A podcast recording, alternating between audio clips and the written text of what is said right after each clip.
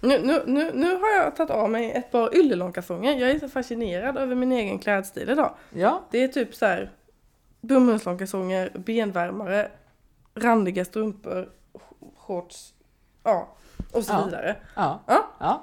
Många lager på lager har du.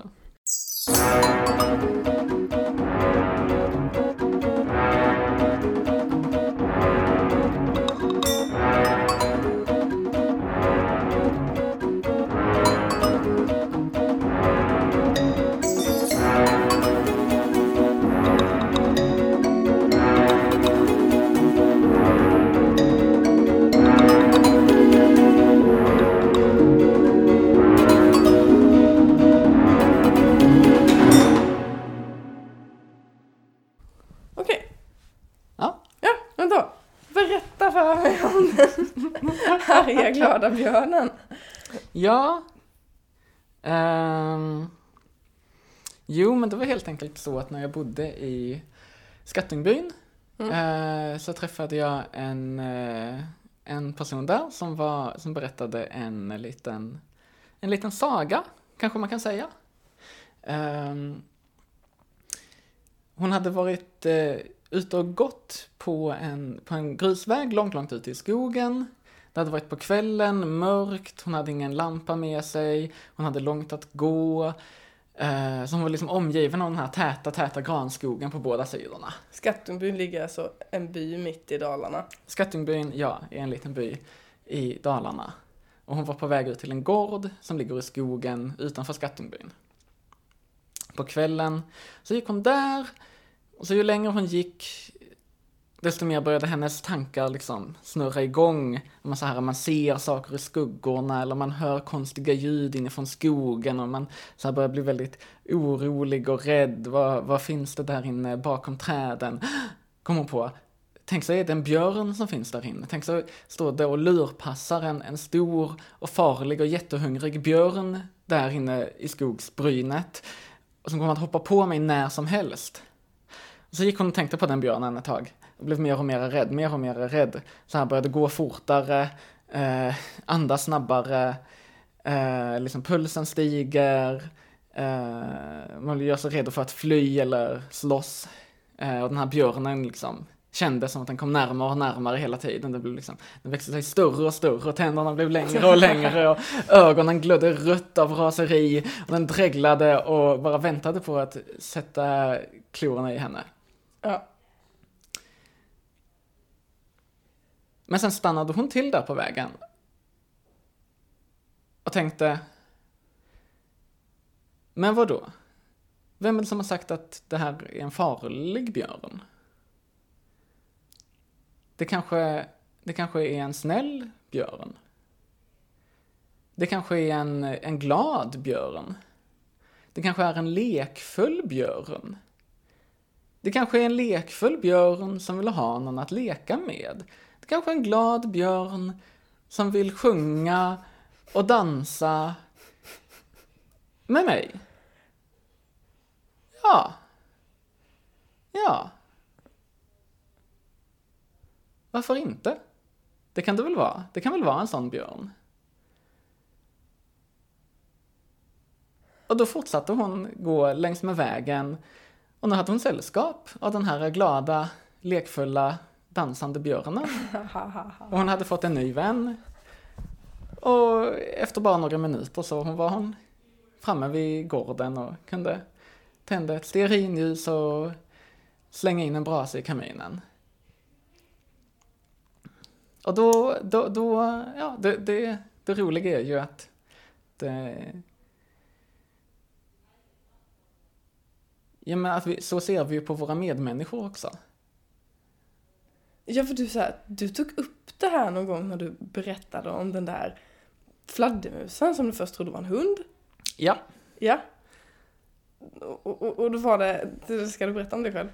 Eh, det kan jag göra. Ja. Då var jag ett litet barn och jag och min familj, vi var på campingsemester i Italien, i norra Italien. Det var sommar, svinvarmt, så här 35 grader som kallast under dygnet, typ. Värmebölja och så vidare. Vi hade kört ner dit i bil och bodde på någon campingplats med sådana här föruppsatta tält. Som är lite, lite, lite, lite lyxigare tält där det fanns ett, eh, ett kylskåp och grejer. I alla fall. Vi gick och la oss och sen ganska snabbt så började, började en liten hund skälla. Alltså från något av granntälten eller lite längre bort. Så här en liten ettrig hundjävel som bara höll på och skällde och skällde och skällde hela natten igenom och ingen kunde sova. Och det var varmt och man låg och vred sig där i svett. Och man blev så jävla trött på den här hunden och de idiotiska människorna som inte kunde hålla koll på sin hund. Allt sånt där. Uh, ja, men natten gick och så blev det morgon igen. Eh, stämningen ganska låg, det är jobbigt, barnen är ledsna, man så här, ah, jag vill hem och varför är det så här varmt och var är den vanliga yoghurten, typ. Något sånt. Eh, och sen, eh, ja. Där på morgonen så gick vi någon promenad och upptäckte att en av, ja, säg att det var ett, ett pinjeträd, en lång tall eller någonting. Så hängde det en, eh, en fladdermus ganska, på en ganska låg gren. Okej. Okay. Det var ju roligt. Söt liten fladdermusunge. Um, så gick dagen, vi gick och la oss igen. Sen kom det här skällandet igen. Med den skillnaden att vi nu visste att det var inte alls någon ettrig liten hund tillhörande något tyskt pensionerat par. Nej. Det var en liten söt fladdermusunge som var hungrig och ropade på att dess mamma skulle komma med mat åt den. Och såklart så kunde vi sova alldeles utmärkt den natten och resten av den veckan. Så det var ju snarare irritationen än ljudet som höll er vakna. Exakt. Det är jätteintressant. Men jag förstår inte riktigt hur du kopplar det till björnen. Jo, Nej, men det är ju helt enkelt så att båda de här äh, små berättelserna visar ju på att det, vi, det är vår egen personliga inställning som avgör vilken värld vi lever i. Lever vi i en värld där björnarna är arga och farliga? Eller lever vi i en värld där eh, Um. Thomas, le, le, mobilfritt. nu är jag dåligt förberedd. Eh, nej men båda de här berättelserna visar ju att det är vår inställning till världen som eh, avgör hur den är, vilken värld vi lever i. Om vi lever vi i en värld där björnarna är arga och farliga och vill oss illa och där det är en massa irriterande hundar som bjäbbar på oss? Eller lever vi i en värld där björnarna är snälla och glada och lekfulla och vänliga och där det inte finns några störiga, irriterande hundar utan bara små söta, gulliga fladdermusungar som inte vill någon illa. Jag kommer typ att tänka på julafton nu sist. Det var, jag tror det var julafton, jag var och firade jul hos min syster. Och så var det andra släktingar och vänner där. Och så började jag fråga folk vad, vilken värld de ville leva i. Och så kom det upp så här, om det här är människor som lever typ i villaområden, en del i lägenheter, i en, i en stad i, i Sverige där, där jag var och firade jul, ganska så, ganska stor stad. Och de har typ jobb och eh, några börjar så här eh, flytta ihop i par och, och, och, skaffa barn och sen så, så här, en mamma till det som är lite äldre som har blivit mormor och, och som det här ganska typ så här, ganska typ så här rika medelålders, kan man säga Svenssons familj. Och så var det två, tre av dem som sa att nej men jag tycker att det har blivit för otryggt. Det det pratades om invandrare tror jag och att det är bomber som hade sprängts och, eh, och så vidare. Och att det var läskigt. Och så frågade jag en person att, ja men vad, vad skulle du ha gjort om du hade känt dig trygg? Vad är, liksom, vad är det du vill ha? Och han bara, ja men bara så här, att det ska vara som när jag var liten. Alltså, så här, man är ute på sommarkvällarna, man, så här, man tältar, man grillar, man har gemenskap, sa jag. Ja, sa han. Och då, och då kommer ju den här grejen att ja, men, eh, folk behöver kunna känna sig trygga för att de ska liksom våga möta andra människor och liksom ha gemenskap med andra människor. Ja, men så tänkte jag bara då just i den stunden att att folk behöver ha gemenskap för att känna sig trygga, alltså åt andra hållet också. Det är så här, frågan är vilken kommer först? Måste tryggheten komma först för att du sen ska kunna känna gemenskap eller är det faktiskt nödvändigt att liksom börja skapa lite gemenskap för att trygghet ska kunna finnas? Man kan lätt tänka hur det där blir en ond cirkel där brist på det ena leder till brist på det andra och i sin tur leder till brist på det första igen mm. och så går det bara runt, runt, runt, runt, runt, runt. Så och sen dras vi ner i någon individualismens eh, malström och drunknar. Eh, och drunknar? Ja. Så det, det är väl någonting som händer. I det blåa vattnet? Ja, men eh, man... Eh, det finns liksom som ett... Eh, ja, precis. Men säg nu, men om, om, om man inte har någon gemenskap mm. och vill skapa en gemenskap, mm. då kommer man att, i, om man krokar ner det så handlar det om att, att ta kontakt med en främmande människa i grund och botten. Eh, och, vilket är ju läskigt. Varför är det läskigt? Jo, för man vet inte hur den här andra människan kommer att reagera. Ja. Och om man eh, där tillägger att man redan från början är rädd för den här andra människan, då försöker man försöker föreställa sig så här, förbereda sig. Hur tror jag att människan kommer att reagera? Så att jag vet liksom, vad ger jag mig in i? Om man då är rädd för den här människan man ska prata med, då är det klart att man föreställer sig att den kommer att reagera dåligt. Med, säg med ilska eller irritation i alla fall, eller vad som helst. Eh, eller ignorerar den bara. Och då är det ju ännu läskigare att ta kontakt med den här människan. Men å, återigen, även om man, om man skulle ha en, en, positiv inställning så är det så fortfarande, att den här människan kanske har någon dålig dag eller inte alls intresserad och man blir avvisad på ett eller annat sätt. Så man kan inte veta. Och då menar jag att det finns alltid ett sånt här litet hopp. Nu, nu har du typ en decimeter mellan tummen och pekfingret. Ja, ja, exakt en, en decimeter. Vi kan tänka oss ett, ett avstånd på ett, ett, en decimeter, en liten spricka i marken som kanske är oändligt djup och bottenlös, men ungefär så, en decimeter bred. Där, över den sprickan i marken, där måste man ta ett kliv. Eh, ett kliv ut i det okända. Det är ett ganska litet kliv egentligen. Men ju mer man tänker på det, desto större växer det sig och till sist blir det alldeles, alldeles oöverstigligt. Eh, och dessutom så kommer vi aldrig, aldrig, aldrig i våra liv att komma bort ifrån. Varför sa du, det är ett litet kliv men det kan bli oöverstigligt? Mm. Ja, för att, eh, för att man eh, föreställer sig hur illa det kommer att gå när man försöker ta det där steget. Men har du någon sån här björn? Har du någon björn?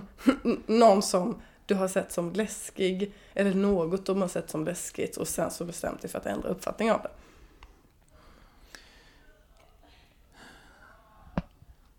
Nej men det är ju en pågående kamp jämt och ständigt. Det är en dragkamp mellan å ena sidan rädsla och å andra sidan kärlek. Och det är en, det är en högst individuell kamp. Um, det är som en... Eh, ja, man försöker ha den här, den positiva förväntningen på omvärlden. Men det kan vara lätt att, att falla ner i, i rädsla och eh, så här, nej men allting är läskigt, det är farligt, det kommer att gå dåligt, det är bäst att du inte gör någonting, för då har jag inte riskerat någonting. Så det, det är väldigt så här fluffigt och så här, ja men vadå, vad betyder det, hur ska man göra det? Men då tänker jag ofta på den här grejen med det här lilla eh, klivet, det här lilla steget. Att, eh, ja men det är någonting man kan träna sig i. Mm. Att, att, eh, att överbrygga det avståndet som finns eh, mellan oss människor. Och det är absolut nödvändigt att vi lär oss göra det och att vi liksom blir tryggare med att göra det. Eh, och hur blir man trygg med någonting? Hur lär man sig någonting? Ja, men det är ju övning, övning, övning. Det handlar ju bara om att ju mer man gör det, desto mer chill kommer det att kännas nästa gång man gör det. Mm. Jag kommer att tänka på så här, alltså när jag var liten, jag växte upp på landet och så fanns det ju en del djur i skogen. Där jag växte upp fanns väl kanske bara vildsvin, men sen så brukade vi också vara på ett ställe i Dalarna och där visste man att det fanns vargar och björnar och lodjur i skogen. Och eh, som jag aldrig stötte på, men det fanns ju den här tanken att man kanske skulle stöta på dem. Men så tittade jag, tyckte mycket om naturen, jag tyckte mycket om djur. Och tittade också mycket på naturprogram och så fick man ju alltid lära sig det här om att men vargen är mer rädd för dig än vad du är för den. Vilket oftast bara betyder att den kommer hålla sig borta. Men det finns också den här att träng inte ett djur. Så här, ett, så här, motar du in ett djur i ett hörn eller får ett djur att känna sig pressad, då kommer den bli rädd och det är det när den är rädd som den är farlig. Det är då den kan börja morra och då är det för att den känner sig hotad. Och så här, går aldrig emellan en hona och hennes ungar, den grejen. Det känns väldigt så här djupt inpräntat i mig och i typ så här många andra tror jag, i alla fall de som har lite granna koppling eller hört lite historier om naturen. Och då finns det ju sån här empati, att liksom så här, ja men det är inte typ, nej men det är inte vargens fel eller något sånt här, att man så här på något sätt ska vara klok och ställa sig över den och ha förståelse. Men sen när det kommer till människor, då brukar det se lite annorlunda ut. Fast det är nog ganska ofta likadant med människor, att arga människor är rädda människor. Och så här, om men, två personer som bråkar. Mm. Känner sig nog ganska ofta hotade av den andra. Och det är nog ganska klokt för oss att i ett sånt läge tänka, om man står där och bråkar med den andra, att den andra är rädd för en. För då kan man så här backa, det mjuknar, det lugnar sig. Jag kommer ihåg typ så här förra våren då jag gick på en skola, det var några i min klass som eh, jag blev ovän med, de var inte så schyssta, de typ jag eh, blev mer och mer arg på dem, men så kommer jag ihåg hur jag så när jag gick och la mig för att sova på kvällarna brukade typ så här se, se dem framför mig. Att ja, men okej, nu går de och lägger sig i sina sängar och ska sova. Och det är lite så här. När man ska gå och sova då är man mm, mjuk och oskyldig. Varenda människa är liten. Mm. Ja. Och då när man så kan se det hos en människa så blir man mindre rädd för den och då blir man mindre arg på den. Man så kan sänka garden. Mm. Exakt, exakt. Mm. Ja, det är precis, det är precis samma sak. Som den arga kontra glada björnen och så vidare. Mm. Det är ju det. Det är också roligt, tycker jag, bara för att snabbt gå tillbaka till björnexemplet. Mm. Att den här björnen i skogen, den, eh, den finns ju inte. Liksom, det som finns är, eh, är en skog och någon som går i skogen. Och sen känns det som att, ja, nu finns det en, eh, en arg björn här. Och sen kan jag förvandla den till en glad björn. Och det, dels är det ju roligt att man att det är inte så här man, att man intalar sig själv, oh, jag har inbillat mig att det finns en björn här och därför borde jag inte vara rädd för den. Det kan vara ganska svårt, för att man, björnen finns ju redan. På ett väldigt konkret sätt så finns ju den farliga björnen. För en själv åtminstone. Och då kan man inte så här bara, jag menar om man sitter i, i sin lägenhet på sin soffa. Så det väldigt svårt att tänka sig att den här soffan finns inte. Det är jättesvårt att övertala sig själv om att den här soffan inte finns. Och likadant är det med björnen, det går liksom inte att bara sudda ut den sådär. Utan då är det mycket mer framkomligt, tror jag, att eh, istället ja, men jobba, med, jobba med det som redan finns. Mm. Och istället då bara förskjuta björnen från att vara arg och farlig till att vara snäll och glad. Om man då fortsätter att ha i åtanke att den här björnen ändå inte riktigt finns, då blir det ett väldigt tydligt exempel på hur den mänskliga rädslan påverkar oss och påverkar vår världsuppfattning. Och eftersom vi inte har något annat att tillgå än vår egen personliga världsuppfattning så påverkar det ju även världen vi lever i. Konkret, världen vi lever i. Om man nu tänker sig ett samhälle där alla går runt och är rädda för varandra, för främlingar och så vidare. Det är ju en väldigt, väldigt hemsk och taggig värld då.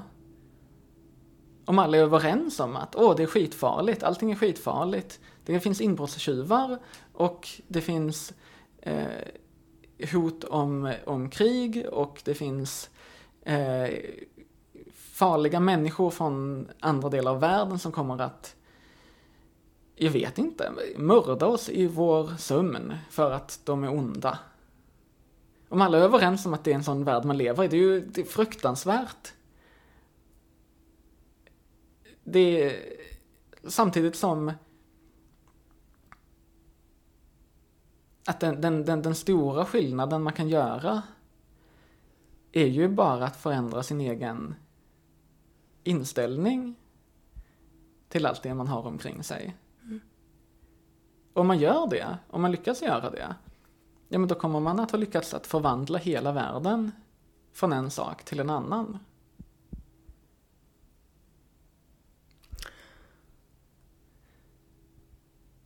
Jag har eh, i ett projekt som jag håller på med nu börjat kontakta folk på kommunen.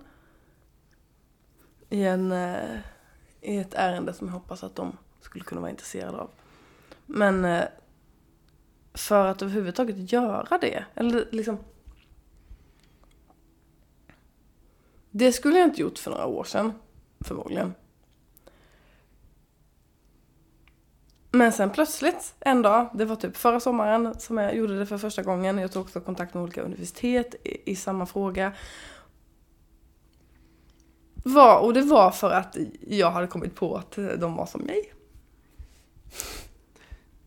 Hur då? På vilket sätt var de som dig?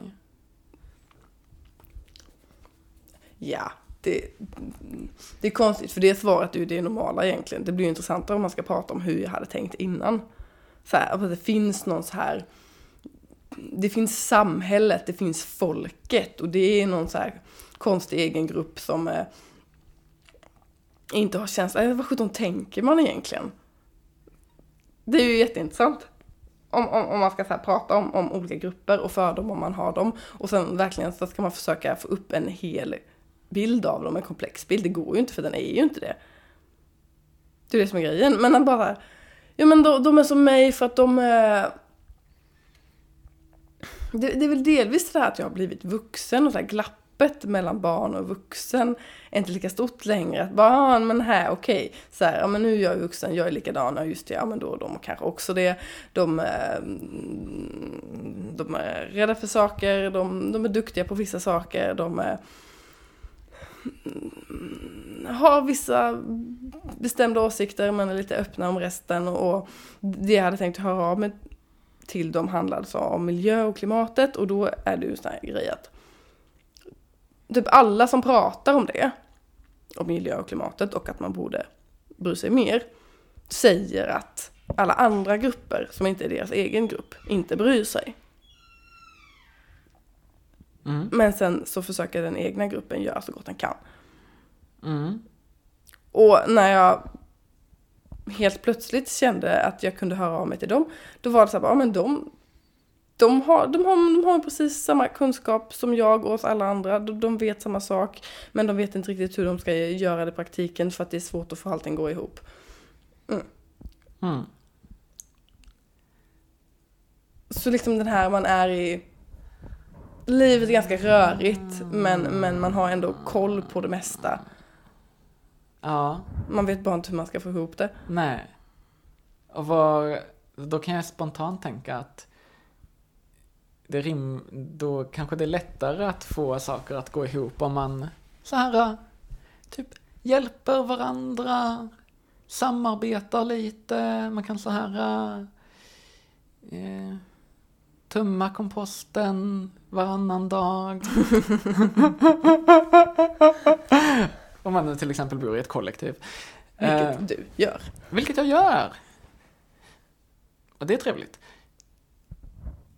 Men var det så för dig då att du kände att, ja ah, men okej, kommun, eh, kommunpamparna, de, de är lika förvirrade som alla oss andra. De är också säkra på att ja, men det, någonting måste göras, men, men vi vet inte riktigt vad eller hur och det är läskigt och svårt också. Vi kan väl bara fortsätta som vanligt, för att det har ju gått ganska bra än så länge, eller? Ja, fast inte riktigt det sistnämnda. Nej, nej det har det ju inte. Men det, man kan så försöka övertala sig själv att det är... Ja, det, det är ju... Men det är lätt att vara bekväm kanske.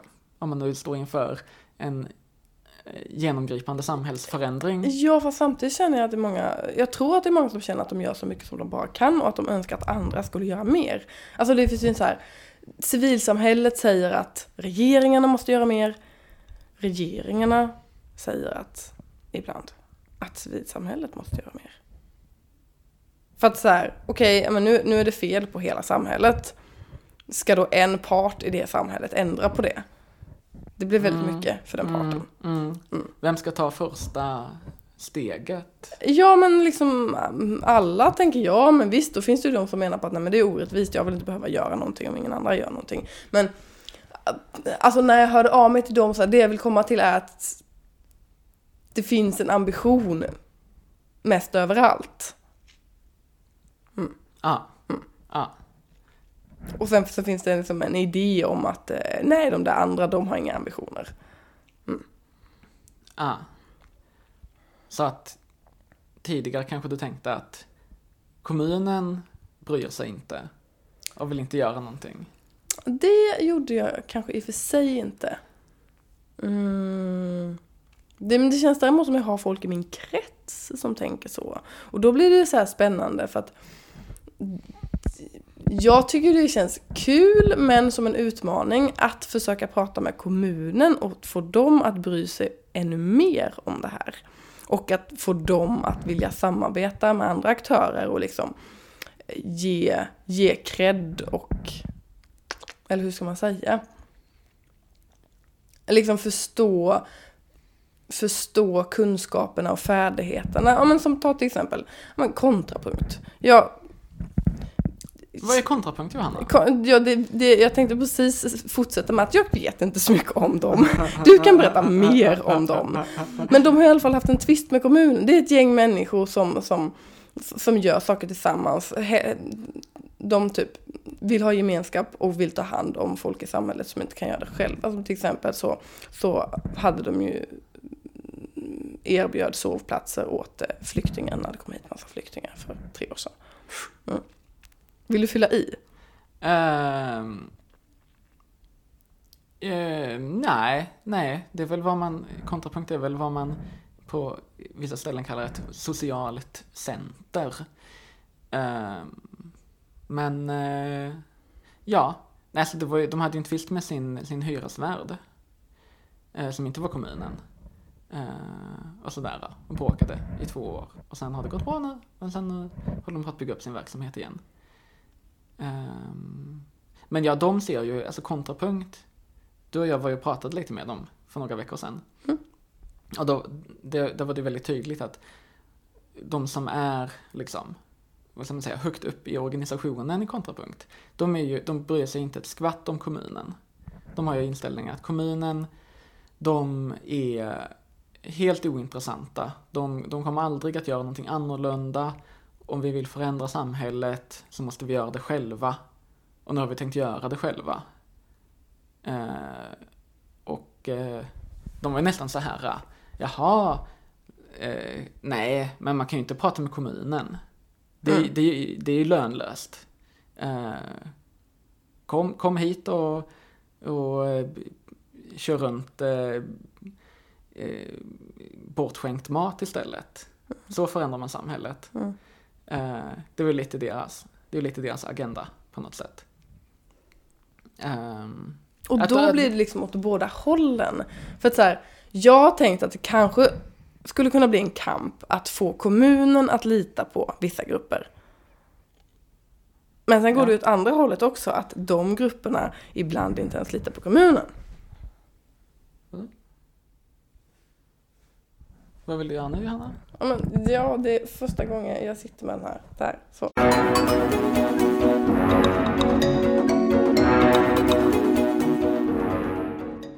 Så. Där. Och du ser, jag tryck, tryckte på den röda knappen här. Ja, det är Ja. bra. Eh, och det, den knappen betyder eh, record, vilket på engelska betyder inspelning. Eller spela in. Det är bra att du översätter Thomas. Ja, men nu skulle jag förklara det här. Då. Och då ser vi att då spelar den in, då spelar zoomen in ljud nu. Och eh, det ser vi på att de här röda siffrorna är röda och räknar uppåt. Ja, de finns inte annars. Nej, då står det 0, 0, 0, 0, 0, 0 där. I Gör, vita siffror. gör det det? Ja, det gör det. Ja, Okej. Ja, det kan vi inte se nu för då måste vi stänga av inspelningen och då kommer ingen att få höra det- allt det här roliga vi säger nu. Eh, men jag tror att om du har den lite längre ner, ja skitsamma. Jo men jag tror att den tar in ljud ovanifrån. Så man kan liksom, om man pratar in där så hör micken sämre. Det är nog också därför du hörs bättre för du sitter och pratar ner i den jag pratar över den. Eh, men eh, i alla fall. Och- Nu, nu förklarar Thomas för mig hur den här zoomen funkar. Vet ni vad en zoom är? I den spelar man in ljud. Den är typ stor som en, vad är den stor som? En jättehög smartphone. Ja, jättetjock, Ganska typ så här tjock smartphone. Tre ja. centimeter tjock smartphone. Ja. Jag höll på att säga tre decimeter, det är inte riktigt Ja, sant. Det, det är inte, jag skulle säga fyra centimeter, tre och en halv kanske. Men vi, vi, vi, har, vi kanske ska berätta om vilka vi är, eller det... Ah!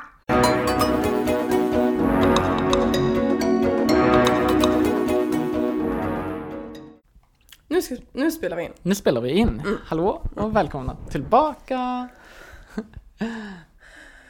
Ska vi presentera oss själva? Var det det du sa? Ska vi presentera oss själva? Ja, det, jag tror att jag har nämnt ditt namn några gånger. Ja, men då kan jag börja med att presentera mig själv. Låter bra. Eh, jag heter Thomas. Och eh, ja, jag vill förändra världen. Vem vill inte det? Jag, ja, ska jag, vad ska jag säga? Jag och Thomas, vi bor i Malmö sen inte så länge tillbaka. Ja. Ja. Och vi började ha kontakt och träffade varandra. Du satt i mitt kök för du var en gammal kompis med en som bor i mitt kollektiv. Stämmer. Det stämmer. S- Sen slutet av januari och sen dess har vi haft kontakt. Och jag är väldigt glad att jag träffade dig för du är en väldigt fin kompis. Ja, och sen så har jag typ tänkt ett tag att ja men podd, det ska man ju spela in. Fast sen så kom jag på att fast det vill jag ju göra med någon människa och då finns det ingen annan människa som vill spela in podd med en. Men du ville det! Det ville jag. Mm. Och då tänkte vi att eh, det fanns eh, två, generellt sagt, två ämnen som eh, vi, eh, som bo- vi båda vill, gärna ville prata om. Som låg oss varmt om hjärtat. Ja. och det ena handlar ju lite om det vi har pratat idag. Nej men så här. Hur människor förhåller sig till varandra. Och, och även så här hur man förhåller sig till sina egna känslor. Det känns lite som samma sak på något sätt. Ja, i allra högsta grad. Det skulle jag säga. Att nu kanske det här låter... Nej, jag ska inte göra så. Kliché. Nej, nu kanske det här låter bra. Och nu kanske jag kommer att säga någonting väldigt smart här och jag vill att alla ska höra det. Tack. Och eh, det är att eh, det går inte att skilja på de människorna vi känner och möter och ser. Det går inte att skilja på dem och våra känslor inför de människorna. Det är samma sak. Människan du ser på gatan både finns och inte finns. Det du ser med dina ögon är ju det ytliga. Det kanske är en hatt och en rock och något linne och svarta eh, Doc Martens. Är det här... Och, och, ja, förlåt, fortsätt. och eh, det, det, det i sig, det synintrycket, är ganska meningslöst. Det innehåller inte någon information i sig. Utan vi tar in den informationen och utifrån vem vi själva är så gör vi en tolkning av den informationen och skapar oss någon preliminär bild av vad är det här för människa som kommer emot mig på gatan. Och det går väldigt, väldigt fort allt det här. Och därför, om man då tycker att eh, folk i hatt ser väldigt läskigt ut, då kommer den personen man möter på gatan att vara en farlig person. Och det går inte att säga att Ja, fast egentligen är det ju en snäll person. Nej, men det, det, liksom, det, fin- det där egentligen finns inte någonstans i världen, utan det som finns är vår egen uppfattning om den här människan. Och jag tror att om, det, om man tänker att det är så, då är det väldigt lätt att förändra världen. Lätt och svårt, kanske. Men man behöver i alla fall inte förändra liksom själva människan man möter, utan kanske mera hur man ser på den.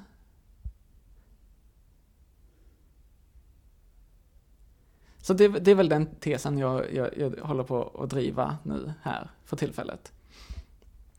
Och det här med att förändra hur vi bemöter andra människor, vilket ju är vad det handlar om. Att titta på hur går det mellanmänskliga mötet till? Utgå ifrån det det, det skulle kunna kallas en social revolution. Och den... Jag älskar det uttrycket. Det är ett bra uttryck, tack. Visst är det. Och den revolutionen, den, den har börjat nu. Det gäller bara att haka på. Och det, det är det ena av de två ämnena. Det andra har eh, med eh, kanske... Ja. Ja, vad har det med att göra, Johanna? Men det har med miljö och hållbarhet och naturen att göra och att jag är väldigt nyfiken på hur, hur vi människor kan leva hållbart samtidigt som vi lever på ett trevligt sätt. Hur man kan väva in alla de här sakerna gemensamt med så här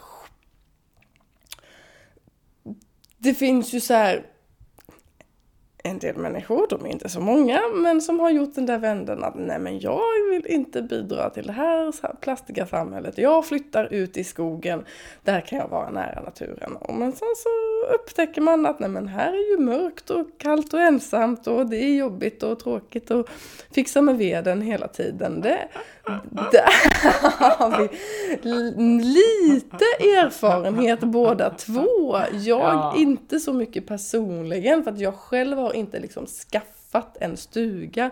Men jag har liksom varit i de kretsarna. Min mamma skaffade en sådan stuga.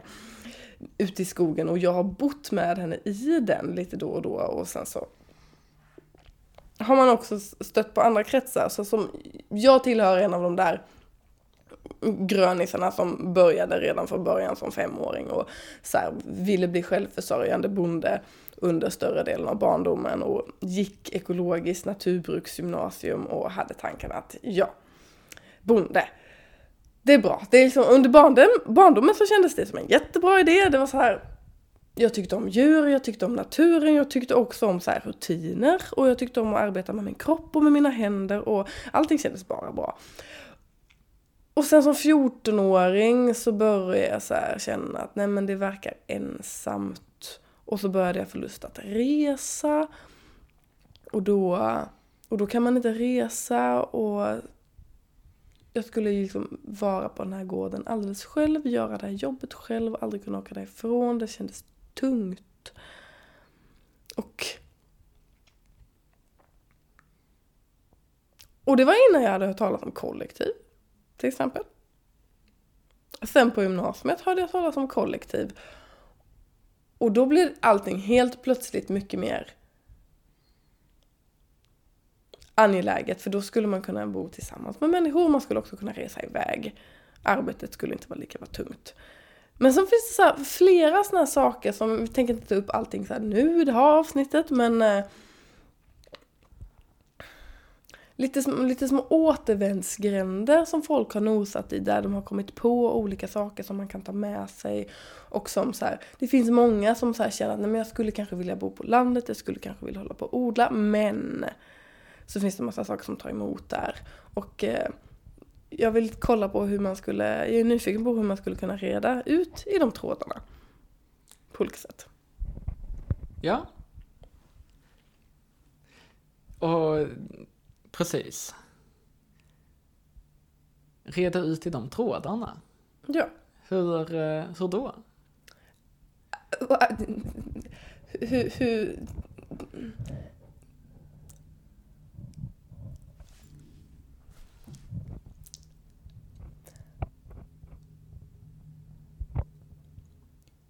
genom att berätta det folk har varit med om. Genom att prata om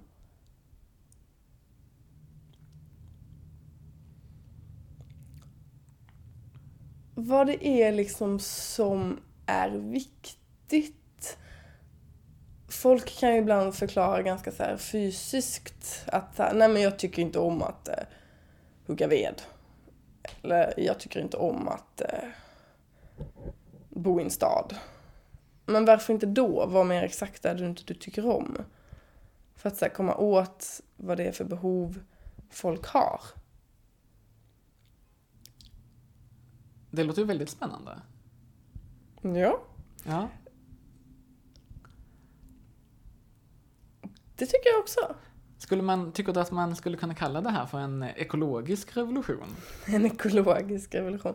Det skulle ju kunna, så här, den ekologiska revolutionen, den typ, vissa påstår att det typ håller på just nu. Det har pratat om att vi är, alltså i Sverige typ, eller om det är i hela västvärlden, att det sker en andra gröna våg, som ja. på 70-talet. Ja.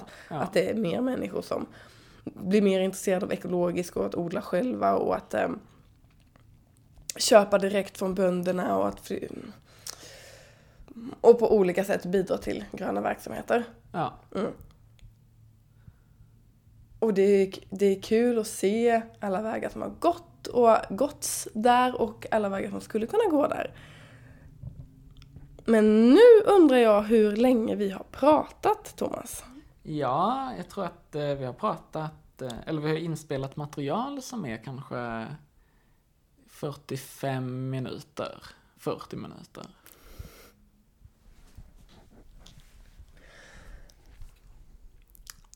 Ja. Har vi något mer om den glada arga björnen som vi gärna vill säga under det här avsnittet? Nej men jag tror att det Jag tror att budskapet kan ha gått fram. Mm. Ja. Ja. då får ni eh, alla lyssnare där ute känna er välkomnade. Ja, Yay! det tycker jag. Till vår podd.